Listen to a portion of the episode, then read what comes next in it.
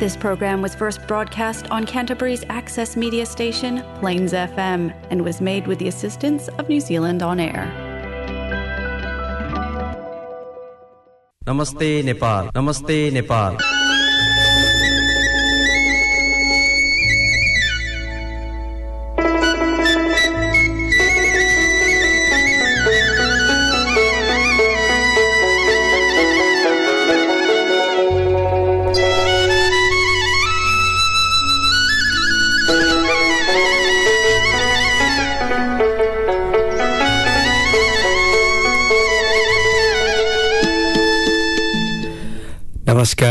Plains FM ninety six point nine mega हर्समा यो हो क्राइसिसवासी नेपालीहरूको आफ्नै कार्यक्रम। कार्यक्रम Namaste Nepal.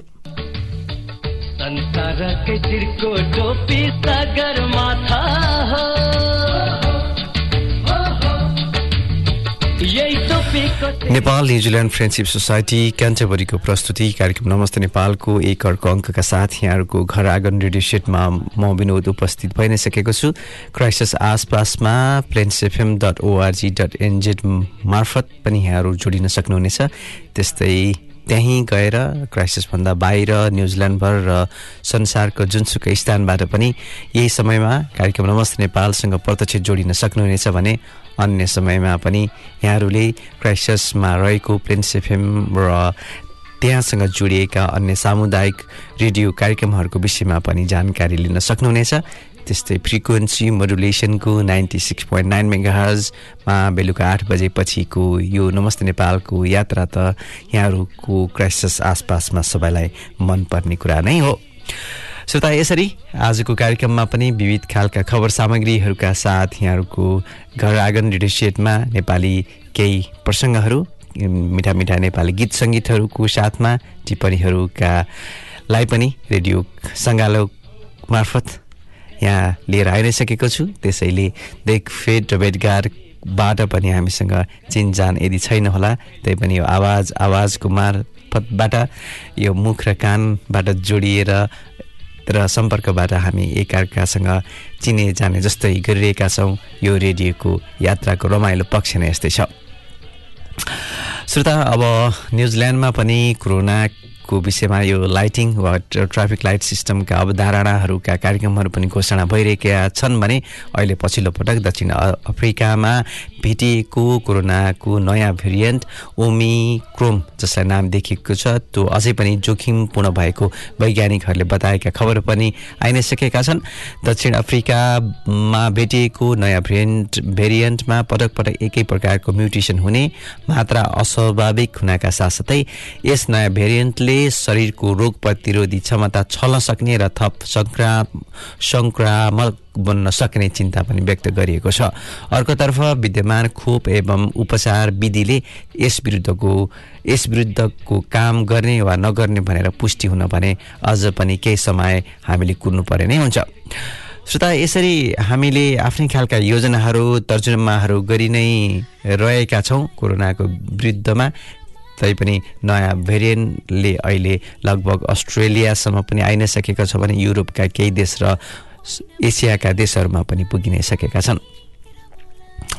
अनि नारायणी नदीका किनारमा भएका महाधिवेशनका कुराहरू पनि भएका छन्। घर गाउँ टोलमा अन्य पार्टीका अधिवेशन भएका छन्। खबर पत्रिकाहरू लगायत अनलाइनका धेरै पोर्टलहरूमा अहिले यस्तै खालका खबरहरूले प्राथमिकता पाइरहेका यहाँहरूले पनि बुझ्नुभएकै कुरा छ। सर्वोच्च अदालतको कुरा पनि छ लगभग पाँच सातादेखि जारी गतिरोध अन्त्य गर्न भन्दै अहिले बल्ल सत्तारूढ गठबन्धनले पहल सुरु गरेको खबर पनि आएको छ र प्रधानमन्त्री चोलेन्द्र शमशेर जबरा पछि हट्न तयार नभए उनको बहिर्गमनका लागि अब अन्य खालको बाटोहरू पनि खोजिने भन्ने कुराहरू पनि आइ नै सकेको छ। श्रोता यसरी? यो बेलुका आठ बजे पछिको यो समयमा हामी यस्तै खालका नेपालीहरूसँग जोडिएका कुराहरू पनि गर्छौँ। त्यस्तै अब Nepal New Zealand friendship society क्यान्टबरीसँग जोडिएका विशेष गरी नेपालीहरूसँग जोडिएका कार्यक्रमहरूको विषयमा पनि हामीले नियमित रूपबाट जानकारी गराउँदै आइरहेका छौँ। त्यस्तै सोसाइटीले नियमित रूपबाट सञ्चालन गर्दै आइरहेको भाइ बहिनीहरूको योगाको कक्षा र भाइ बहिनीहरूको नेपाली कक्षा र समग्रताको लागि योगा अभ्यासको कक्षा पनि अब अर्को हल व्यवस्थापन नभएसम्मका लागि भने अब स्थगन गरिएका खबरहरू पनि यहाँहरूसँग पुगिनै सकेका छन् होला। अब झन्डै झन्डै हामी डिसेम्बर महिनामा पनि प्रवेश गर्न लागिरहेका छौँ। सन् दुई हजार एक्काइसको हामी अब नोभेम्बर महिनाको अन्तिमको कार्यक्रममा छौँ भने अर्को सातादेखि त हामी सन् दुई हजार एक्काइसको वर्ष अन्त्यतर्फ नै प्रवेश गरिसकेका हुनेछौँ। श्रोता यसरी आजको कार्यक्रममा यहाँहरूलाई उठान र स्वागत गरि नै सकेको छु। त्यसपछि अब यहाँहरूलाई मिठो मिठो गीत सङ्गीतहरूको क्रम पनि जोड्ने सिलसिला हुन्छ नै। अब यसैले आजको कार्यक्रमको सुरुवातमा यहाँहरूलाई रमाइलो गीत प्रस्तुत गर्दैछु।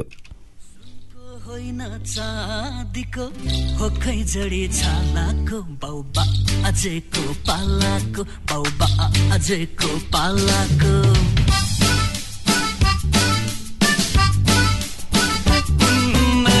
सुनको होइन चाँदीको हो खै जडी छालाको बाउबा अझैको पालाको बाउबा अझैको पालाको।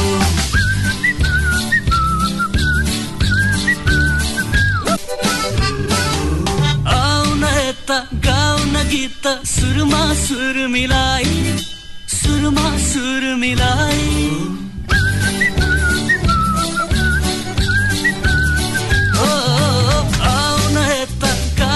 गीत सुरमा सुर मिलाई सुरमा सुर मिलाई। म बजाउँछु बुढो चाला तिमी देखाउ नाची। है नाची है नाची। अरे सुनको होइन चाँदीको हो खै जडी चालाको बाउबा अझैको पालाको बाउबा अझैको पालाको।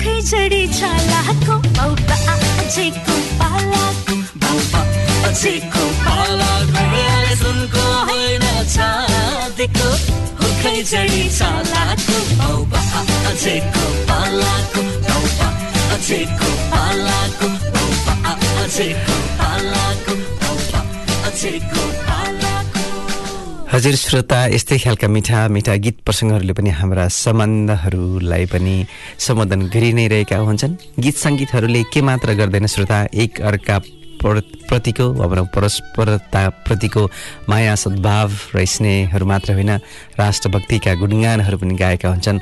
गर्दा गर्दै परिवारभित्रको एक अर्कासँगको सम्बन्धलाई पनि यसरी नै सम्बोधन गरिरहेको हुन्छ। अझ विशेष गरी घर परिवारदेखि अलिकति टाढा बस्दा हामी जस्ता व्यक्तिहरूका लागि भने यी गीतहरूले पनि हाम्रा आफन्तहरूसँग नजिक पुर्याउने प्रयास गरिएको गरिरहेको हुन्छ भन्ने आवाज अनि महसुस पनि गर्न सकिन्छ।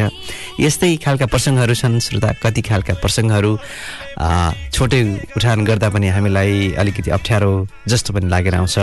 तैपनि भविष्यको यो चलायमान जिन्दगीको चलायमान यात्रामा चलायमान ठाउँहरूमा पुग्नु पर्दछ झन्डै यस्तै नै भएको छ। यसरी नै बुझ्ने हो कि? श्रोता अब यो पछि भने अब यहाँहरूलाई अफगान बालिका जसको नाम शरबत गुला रहेको छ उनको विषयको छोटो प्रसङ्ग यहाँ उठान गर्न चाहेँ। यहाँहरूलाई नाम भन्ने बित्तिकै पनि याद भइ नै सकेको हुनुपर्दछ। श्रोता झन्डै चार दशक अघि पत्रिकाको कभरमा छाप तस्बिरमा कभरको पत्रिका वा भनौँ पत्रिकाको कभरमा तस्बिर छापे छापिएपछि चर्चित बनेकी एक अफगान बालिकाले लामो समयपछि शरणार्थीको हैसियत पाएकी छन्।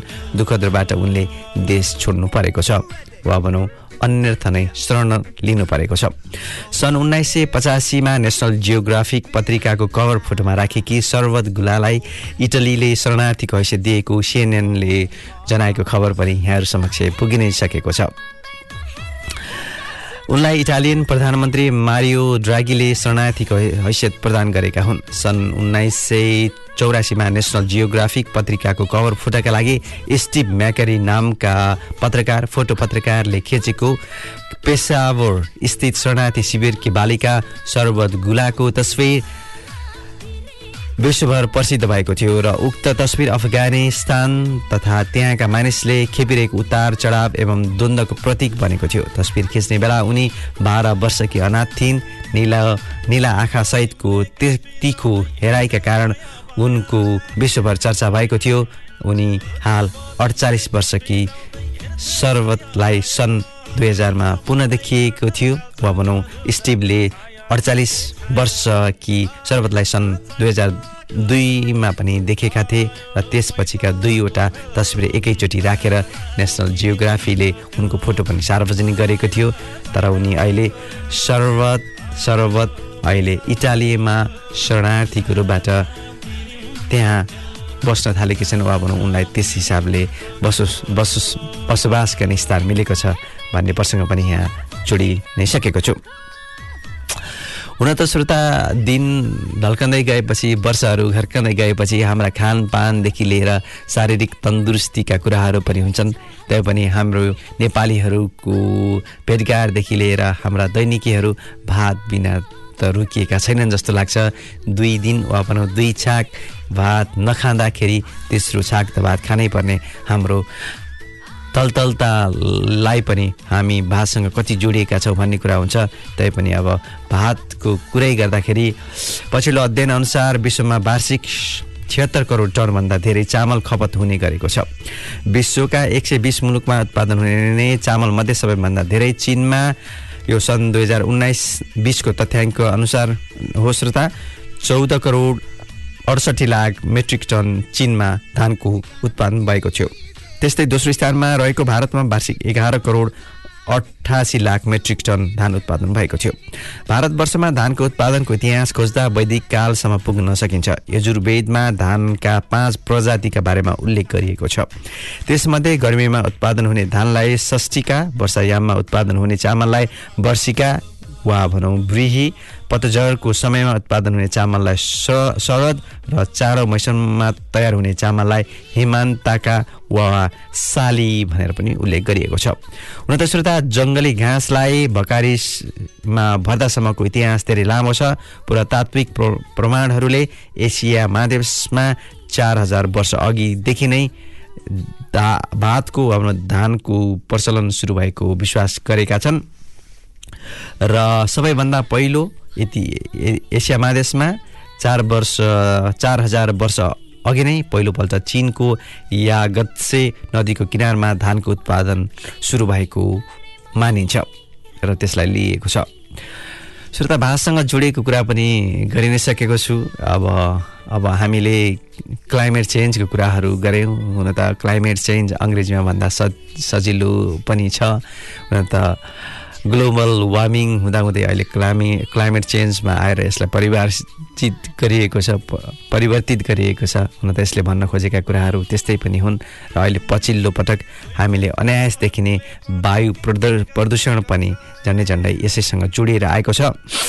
विश्वका सहरहरूमध्ये उच्च प्रदूषित सहरहरूमा पर्ने दिल्लीमा विशेषतः दीपावलीको अवसरमा अत्याधिक पटका पड्काउने आसपासमा प्राय सबै कृषि क्षेत्रमा धान काटेपछि परालमा आगो लगाउने र ठुलो सङ्ख्यामा रहेको पेट्रोलियल पदार्थबाट चल्ने सवारी साधनबाट निस्किने धुवा तथा सुक्खा तथा चिसो मौसममा उड्ने धुलोको कारणलाई मानिएको छ।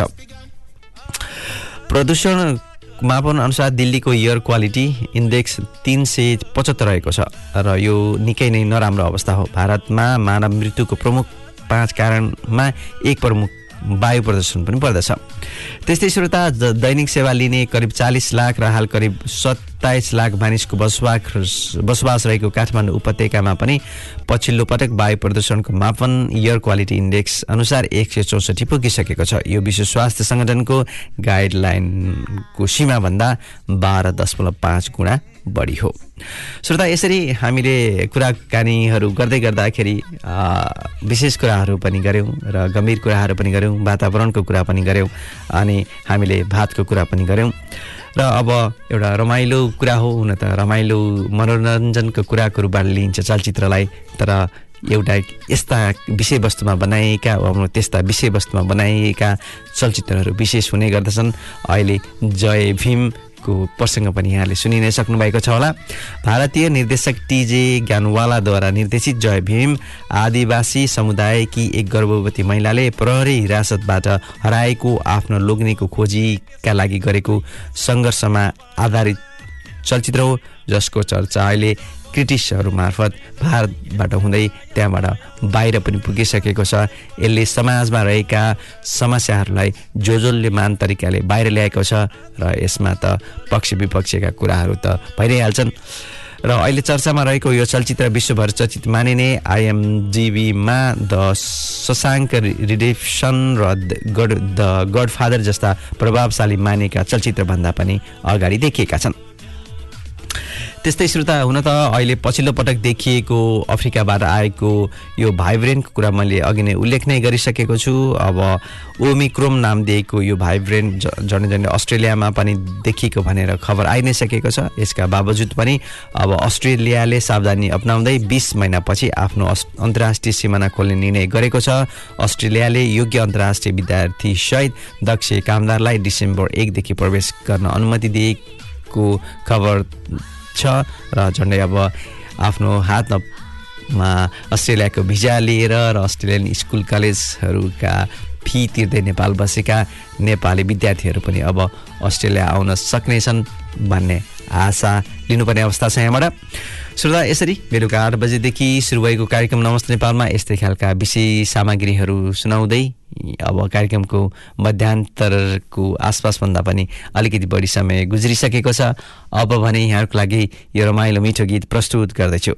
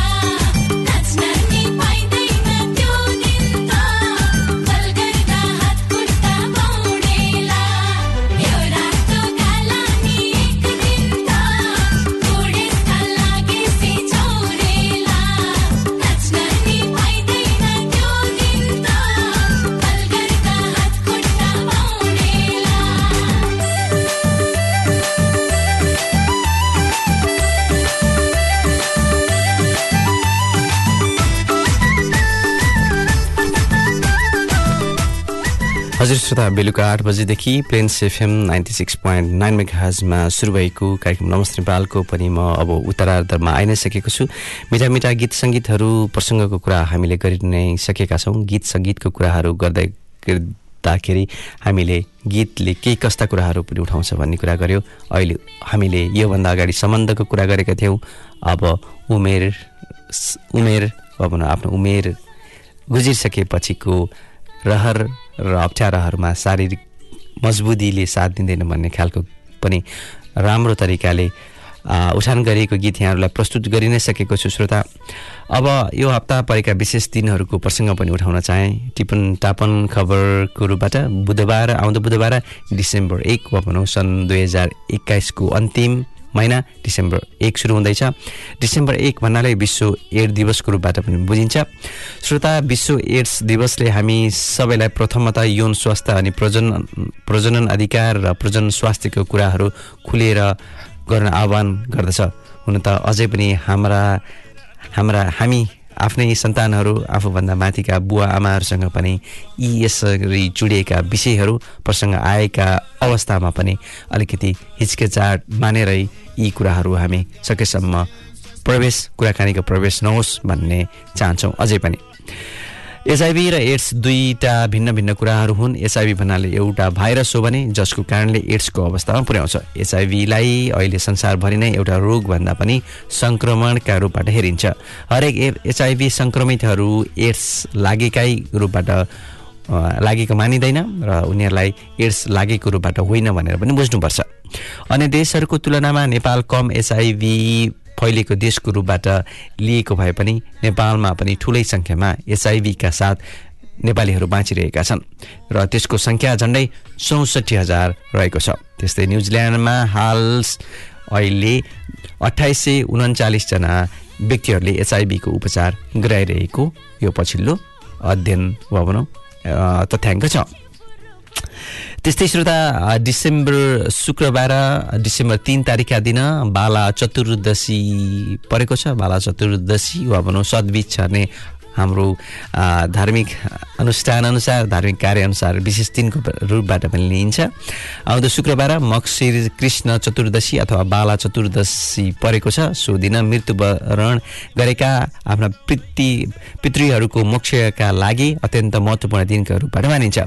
नेपाल अनि भारतका विभिन्न शक्तिपीठ अनि त्रिवेणी धामहरूमा पितृको उद्धारका लागि सतपी सतबीज अन्नहरू धान गहुँ मास मुगी कागुन र सामा मिलाइएको र अन्य विभिन्न प्रकारका फुलहरू छर्ने तीर्थालुहरूको घुइँचो पनि रहने गर्दछ। श्रोता अब यो सँगसँगै भने अब छोटो खबरको नेपालीसँग जोडिएको विशेष गरी खेलसँग जोडिएको Sita Rana Magar ICC twenty twenty विश्वकप एसिया छनौट अन्तर्गत को छनौट चरणमा उत्कृष्ट खेलाडी बनेकी छन्। नेपाल ग्लोबल छनौटमा पुग्न भने असल फल रह्यो र त्यसका बावजुद पनि नेपालले खेलेको पाँच खेलमा सर्वाधिक सय रन बनाउँदै बलिङतर्फ छ विकेट लिएकी सीता राणा मगर आइसिसी महिला टी ट्वेन्टी विश्वकप एसिया छनौटकै समग्र टुर्नामेन्टकै उत्कृष्ट खेलाडी बनेकी हुन्। श्रोता यसरी अब यी कुराहरू उठाइसकेपछि अब चिनमा भए अहिले चिनमा अहिले पछिल्लो पटक तिन सन्तानको नीति आउन लागेको छ। छोटो अब आउँदो वर्षदेखि आगामी वर्षदेखि लागू हुने गरी तेस्रो सन्तानको नीति अघि सारेको चिनले मातृत्व विधालाई साठी वा सोभन्दा बढी बनाउनेदेखि लिएर पुरुष र दम्पति विधा विवाह घुमघाम र तिन वर्षसम्मका बच्चाहरूको स्याहार सुसार विधासहित सबैभन्दा लामो विधासम्मका अनेकौँ स्किमहरू अघि सारेका खबरहरू पनि आइ नै सकेको छ।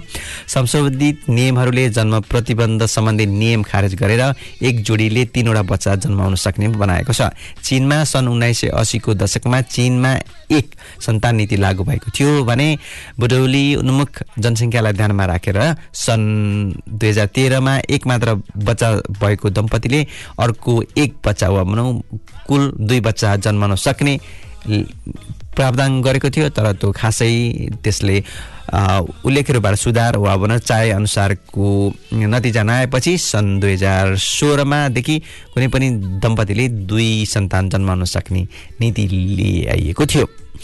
श्रोता यसरी अब चिनको परमार परिमार्जित र विशेष गरी आउँदो भविष्यमा हुन सक्ने वा भनौँ चिनमा बुढौली उन्मुख उमेर वा भनौँ जनसङ्ख्याकोलाई नि मध्यनजर गर्दै गरिएका यी प्रसङ्ग पनि साह्रै नै रमाइलो खालको रूपबाट लिनुपर्छ। जस्तो लाग्छ हामीले। अब हरेक कुराहरूमा ध्यान दिन दिनुपर्छ देशले। अब यी यस्तै कुराहरू पनि भइ नै राख्यो। र श्रोता अब न्युजिल्यान्डको यो हप्ता परेको विशेष दिनको रूपबाट छोटो प्रसङ्ग यहाँ उठाउन चाहे। न्युजिल्यान्डमा पहिलो पटक आम निर्वाचनमा महिलाहरूले मतदान गरेका थिए। गत हप्ता नोभेम्बर अठाइस तारिकका दिन सन् अठार सय तिरानब्बेको वर्षमा। यो नै महिलाहरूले विश्वमै पहिलो पटक निर्वाचन प्रक्रियामा भाग लिएको दिनको रूपबाट पनि कीर्तिमानी दिनको रूपबाट बनेको थियो भने त्यसको त्यसको झन्डै आफ्नो धेरै नै पछि संसदको सदस्यको रूपबाट उम्मेदवार बन्न भने त्यसपछिको निर्वाचनमा भाग लिन पाएको छब्बिस वर्ष कुर्नु पर्यो न्युजिल्यान्डमा महिलाहरूले। श्रोता यो सँगसँगै बेलुका आठ बजेदेखि सुरु भएको कार्यक्रम नमस्ते नेपालको आजको बसाइलाई फेरि यहीँ आएर विश्राम गर्नुपर्ने बेला भइ नै सकेको छ। सबै कुराहरू ठिकठाक रूपबाट गयो भने अर्को साता फेरि पनि यहाँहरूसँग भेटघाट गर्न आउने नै छु तबसम्मको लागि म विनोदलाई पनि आज्ञा दिनुहोस्। नमस्कार शुभरात्रि।